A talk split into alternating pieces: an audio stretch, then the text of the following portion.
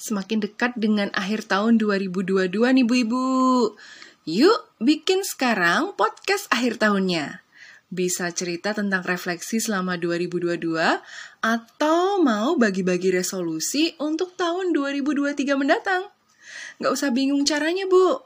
Cukup download aja aplikasi Anchor.fm.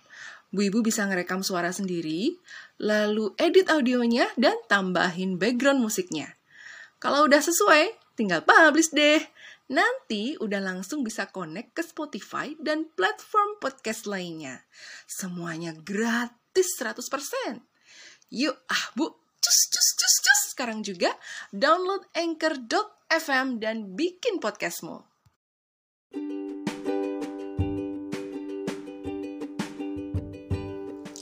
Hai hai hai, Assalamualaikum Bu Ibu, apa kabarnya nih? Makin semangat buat bikin acara tahun baruan? Atau malah bingung mau bikin acara apaan? Oh, kenapa? Bingung acaranya mau yang gimana? Mau buat sendiri? Refreshing sendiri gitu? Atau malah mau bareng-bareng? Bareng-bareng sama siapa ya? Berdua sama suami doang? Atau sama anak-anak juga ya? Atau malah mungkin sama keluarga besar? Atau justru sama besti-besti aja ya? Sama teman-teman mungkin bikin reunian? Atau bikin acara rombongan sama tetangga gitu barangkali? Atau sama teman-teman organisasi atau komunitas? Aduh bingung bingung bingung bingung bingung Aduh, yang paling komunitas, apa-apa bareng komunitas dipikirnya. Sampai mau bikin acara tahun baruan sama komunitas juga. Kayaknya kok eksklusif sekali ya. Ngapain sih pakai komunitas-komunitas segala? Penting. Penting gak sih? Well, it depends. Oke lah yuk bu sambil duduk manis dan nyeruput teh manis. Ayo kita omongin komunitas bareng aku Bu Inung di podcast Bu Ibu.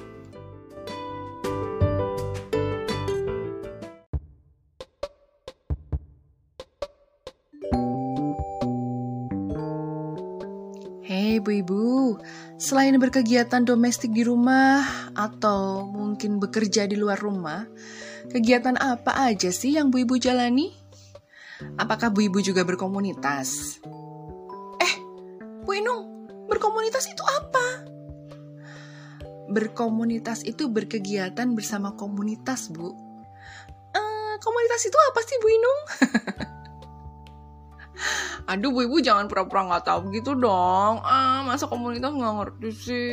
Komunitas itu sendiri bisa diartikan sebagai kumpulan dari beberapa orang yang menjadi anggotanya yang terikat atas dasar kesamaan atau interest atau kebutuhan yang terikat satu sama lain dan percaya bahwa kebutuhan para anggotanya akan terpenuhi selama para anggota tersebut berkomitmen untuk terus bersama-sama dan saling peduli satu sama lain dan terjadi relasi pribadi yang erat antara para anggotanya hingga mendapatkan value dengan melakukan kegiatan bersama-sama. Kira-kira begitu ya Bu ya? Oh, organisasi ya Bu Inung? bukan Bu, bukan. Kalau organisasi kan tempat sekelompok orang itu berkumpul dan bekerja sama secara sistematis, secara terkendali dan terpimpin kayak gitu. Biasanya kalau organisasi itu orang-orangnya bekerja untuk uh, mencapai tujuan tertentu dengan memanfaatkan sumber daya yang tersedia. Misalnya ada uang, ada material, ada mesin dan lain-lain. Penggunaan sumber daya, sarana prasarana, data dan sebagainya itu dilakukan secara efektif dan efisien. Contoh gampangnya organisasi itu adalah perusahaan Bu Ibu. Karyawan di dalamnya itu kan saling bekerja sama dengan menggunakan sumber daya yang tersedia yang punya tujuan ingin mencapai uh, visi dan misi yang dimiliki oleh pendiri perusahaan tersebut. Nah, kalau komunitas itu sendiri, Bu Ibu, itu tuh berarti kelompok sosial dalam masyarakat gitu loh, di mana sekelompok orang di dalamnya itu saling berinteraksi di lingkungan tertentu. Nah, umumnya uh, sekelompok orang ini nih ya, punya minat, punya ketertarikan dan punya habitat yang sama, punya habit juga yang sama. Nah, dasar kesamaan komunitas itu bermacam-macam, Bu ya. Biasanya karena niatnya, sumber dayanya, preferensi, resiko, kebutuhan, dan kondisi lainnya yang dianggap serupa gitu. Nah, komunitas sendiri itu berasal dari bahasa Latin komunitas yang akhir artinya itu kesamaan. Contoh komunitas tuh banyak kok ditemukan di sekitar kita, Bu. Bahkan bermunculan di medsos juga ya, di media sosial gitu seiring majunya teknologi gitu ya. Misalnya ada komunitas menulis, ada komunitas musik, komunitas melukis di mana setiap-setiap uh, tiap-tiap anggotanya tuh punya hobi hobi yang sama gitu. Nah, mungkin nih Bu Ibu ada ya yang udah tergabung dengan komunitas tertentu komunitas ibu-ibu demen baking misalnya. Nah, itu kan berarti karena punya kesamaan minat yang sama, kesukaan yang sama, kesukaan bikin kue di rumah misalnya gitu. Atau komunitas bu-ibu hobi zumba gitu ya, sama-sama punya hobi berzumbaria, kemudian saling berkumpul dan uh, bertukar informasi mengenai uh, zumba. Kemudian apa berkomunitas membuat event zumba bersama misalnya seperti itu. Atau komunitas bu-ibu blogger ya yang suka nulis kemudian di share secara publik di uh, uh, apa di internet kayak gitu. Atau mungkin ada juga komunitas bu-ibu content creator dan masih banyak lagi masih banyak lagi komunitas yang ada di di Indonesia bahkan di dunia ini ya. Gitu. Ada yang sudah tergabung bu-ibu aku yakin banyak kok ya ah kalau Bu Inung sendiri apa? Bu Inung ikut komunitas apa? Ada yang bertanya padaku? Aku saat ini tergabung dalam komunitas homeschooling, komunitas podcaster, dan komunitas read aloud. Nah, kenapa ya kok aku berada di situ ya? Kenapa ya Bu Ibu? Tahu nggak kenapa? Kira-kira bisa nggak baca pikiranku kenapa aku ikut ketiga komunitas itu? Oke, okay, aku sepil aja ya, sepil-sepil aja ya. Berada di komunitas homeschooling itu karena memang keluarga gue adalah keluarga homeschooler gitu. Anak-anakku tuh nggak ada yang bersekolah formal ya, melainkan berpendidikan di rumah. Nah, di kotaku sendiri, ini ternyata ada beberapa keluarga homeschooler lainnya. Dan kami bersepakat membuat komunitas homeschooling ini karena berdasarkan satu kesamaan, yaitu sama-sama berhomeschooling ya. Itu backgroundnya yang utama itu. Dan Kenapa kok berkomunitas? Karena kami pengen dapat insight dari keluarga homeschooler lainnya tentang pengalaman-pengalaman mereka dalam kegiatan belajar mengajar di rumah tentunya tanpa mengintervensi model dan metode belajar mereka. Karena apa? Karena tiap keluarga homeschooler tuh punya model dan metode belajar yang berbeda satu sama lain tergantung visi keluarga masing-masing gitu. Itu salah satu uh, background latar belakang kenapa aku ikut komunitas homeschooling ini. Terus aku tergabung dalam komunitas podcaster itu karena aku juga pengen dapat insight dari para podcaster lain di Indonesia ini. Dan ini nih jumlahnya ribuan ya uh, podcaster di Indonesia. Itu banyak banget gitu ya uh, dari macam-macam genre yang beda-beda, terus juga range usia yang beda-beda, terus uh, teknologi podcast yang beda-beda, terus juga pengen dapat insight dari platform podcast yang beda-beda juga kayak gitu. Selain itu juga agar podcastku dikenal dong, ya nggak sih? Dan jadi nambah listenersnya, ya nggak sih? tapi bener kan ya, bukankah salah satu tujuan berkomunitas itu tuh untuk berjejaring juga, ya kan? Karena kalau kita ketemu teman baru, kita bisa juga loh berteman sama temennya itu, berteman lagi sama temennya itu lagi, itu yang lainnya lagi, and so on, and so on gitu ya kan. Jadi kita nambah teman banyak banget kayak gitu. Nah, meskipun aku koneksinya sendiri masih secara daring ya, masih secara online dengan komunitas podcaster ini, tapi aku merasa aku tetap bisa connect kok dan dapat macam-macam kabar serta event yang bisa diikuti gitu loh. Jadi aku sendiri secara pribadi tetap dapat value dari komunitas ini gitu loh. Dan recently aku juga tergabung dalam komunitas Read Aloud di kotaku. Nah, komunitas Read Aloud ini kan komunitas membaca nyaring ya. Read Aloud, membaca nyaring. Yang punya tujuan untuk lebih mengenalkan kecintaan kita pada buku dan bacaan gitu. Terus juga memasyarakatkan memasyarakatkan budaya membacakan buku untuk anak khususnya dan membuat anak tuh suka membaca lewat metode membaca nyaring ini. Nah, as we know ya Bu Ibu, salah satu kegiatan yang bisa menambah erat bonding orang tua dan anak itu adalah dengan membacakan buku untuk anak. Karena otomatis aktivitas ini nih melibatkan kehadiran buku, ayah atau ibu, dan anak. Dan ketika hal ini dilakukan, tentunya tidak akan bisa disambi-sambi dengan kegiatan lainnya. So, bisa dibilang ada waktu berkualitas yang dihabiskan di sini. Apalagi jika read aloud buku itu dilakukan dengan baik, dengan intonasi dan ekspresi yang menarik dan sesuai, hingga anak-anak bisa terkoneksi dengan baik dengan ceritanya, otomatis dia akan fokus dan nggak mudah terdistraksi dengan hal lain. Nah, hal ini jadi salah satu langkah membangun bonding anak dan orang tua. Itu maksudnya, Bu join-join komunitas gitu apa nggak tambah sibuk sih Bu Inung? Kan harus keluar-keluar rumah. Padahal kan katanya Bu Inung ibu rumah tangga kerjaannya banyak gitu. Ya, tentu saja dong. Sibuk. Siapa bilang saya nggak sibuk? Tentu tambah sibuk dong dengan kegiatan komunitas ini. Tapi karena memang ada kebutuhan untuk menambah insight ya.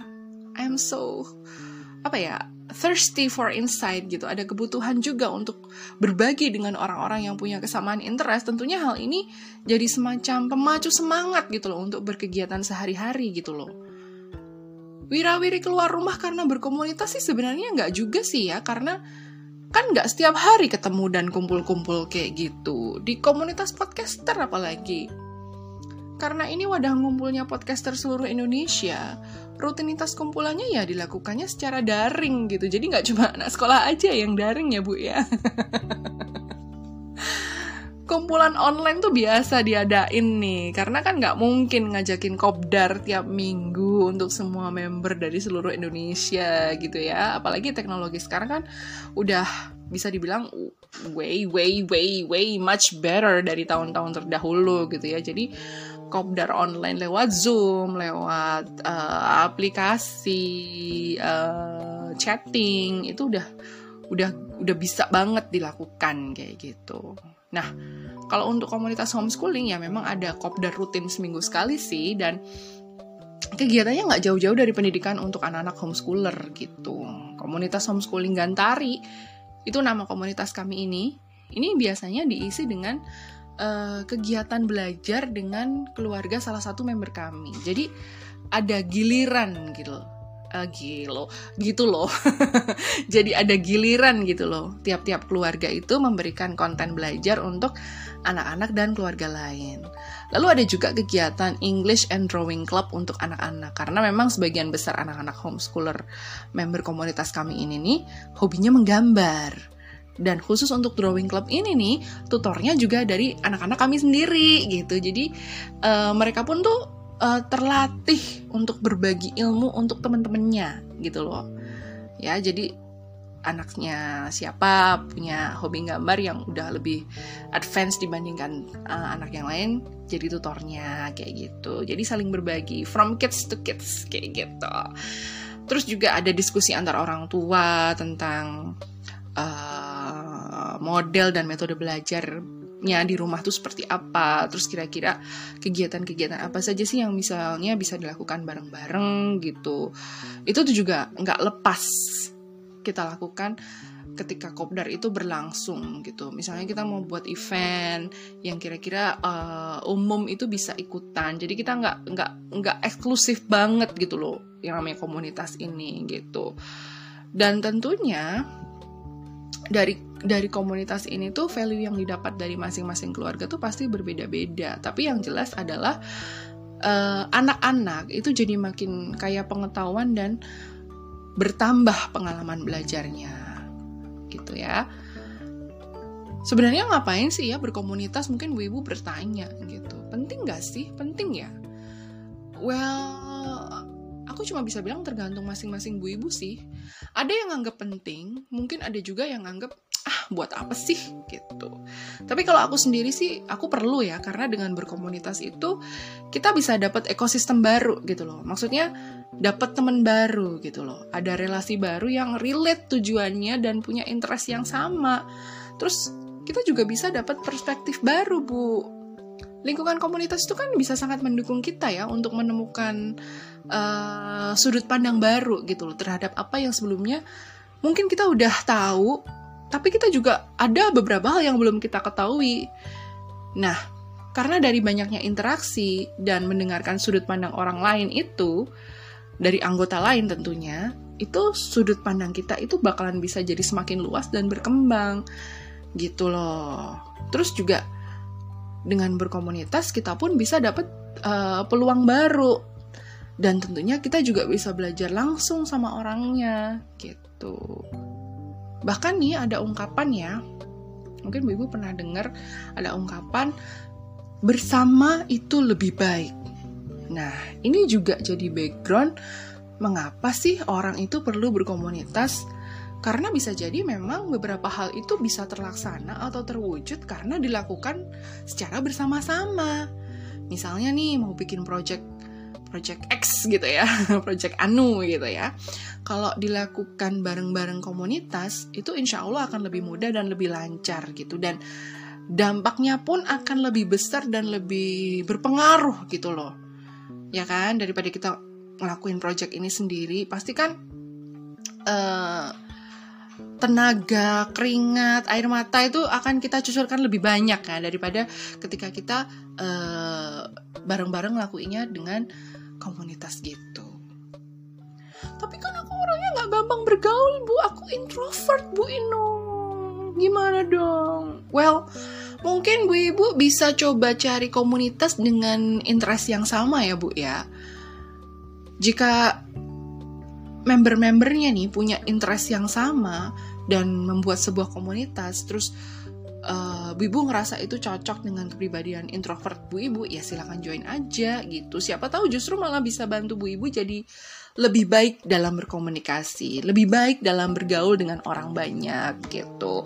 Mulai aja dari yang sifatnya online gitu ya Bu ya, yang nggak mengharuskan kumpul kumpul-kumpul rutin secara offline atau kum, apa maksudnya tuh physical gitu loh nggak harus ketemuan langsung kayak gitu itu sepertinya akan jauh lebih mudah untuk uh, tipe bu ibu yang introvert kayak gitu. Tapi yang jelas bu, jangan menjadikan sebuah hal berkomunitas itu menjadi sesuatu yang wajib ain ya, yang yang harus diikuti dan kalau nggak ikut komunitas tuh hidupnya berdosa gitu. Jangan, jangan bu, jangan berpikiran seperti itu karena gimana pun awalnya orang join komunitas itu kan karena adanya kesamaan dasar. Ya bisa karena sama-sama punya hobi yang sama, punya interest yang sama, terus punya tujuan yang sama dan banyak lagi gitu. Kalau memang merasa nggak perlu-perlu amat, ya nggak apa-apa. Nggak ada keharusan kok buat ikut uh, sebuah komunitas. As long as your content, you don't need to worry about your life, Bu. Oke, Bu Ibu? Deal ya? Selamat mencari komunitas yang sesuai dengan pribadi Bu Ibu, yang sesuai dengan kesamaan dan hobi Bu Ibu, yang sesuai dengan kebutuhan Bu Ibu. Selamat berkomunitas Bu Ibu. Episode ini adalah bagian dari tantangan 30 hari bersuara 2022 yang diselenggarakan komunitas The Podcasters Indonesia. Thank you ya Bu Ibu for being here with me. I'll see you again on the next episode. Of course with me, Ibu Inung di podcast Bu Ibu.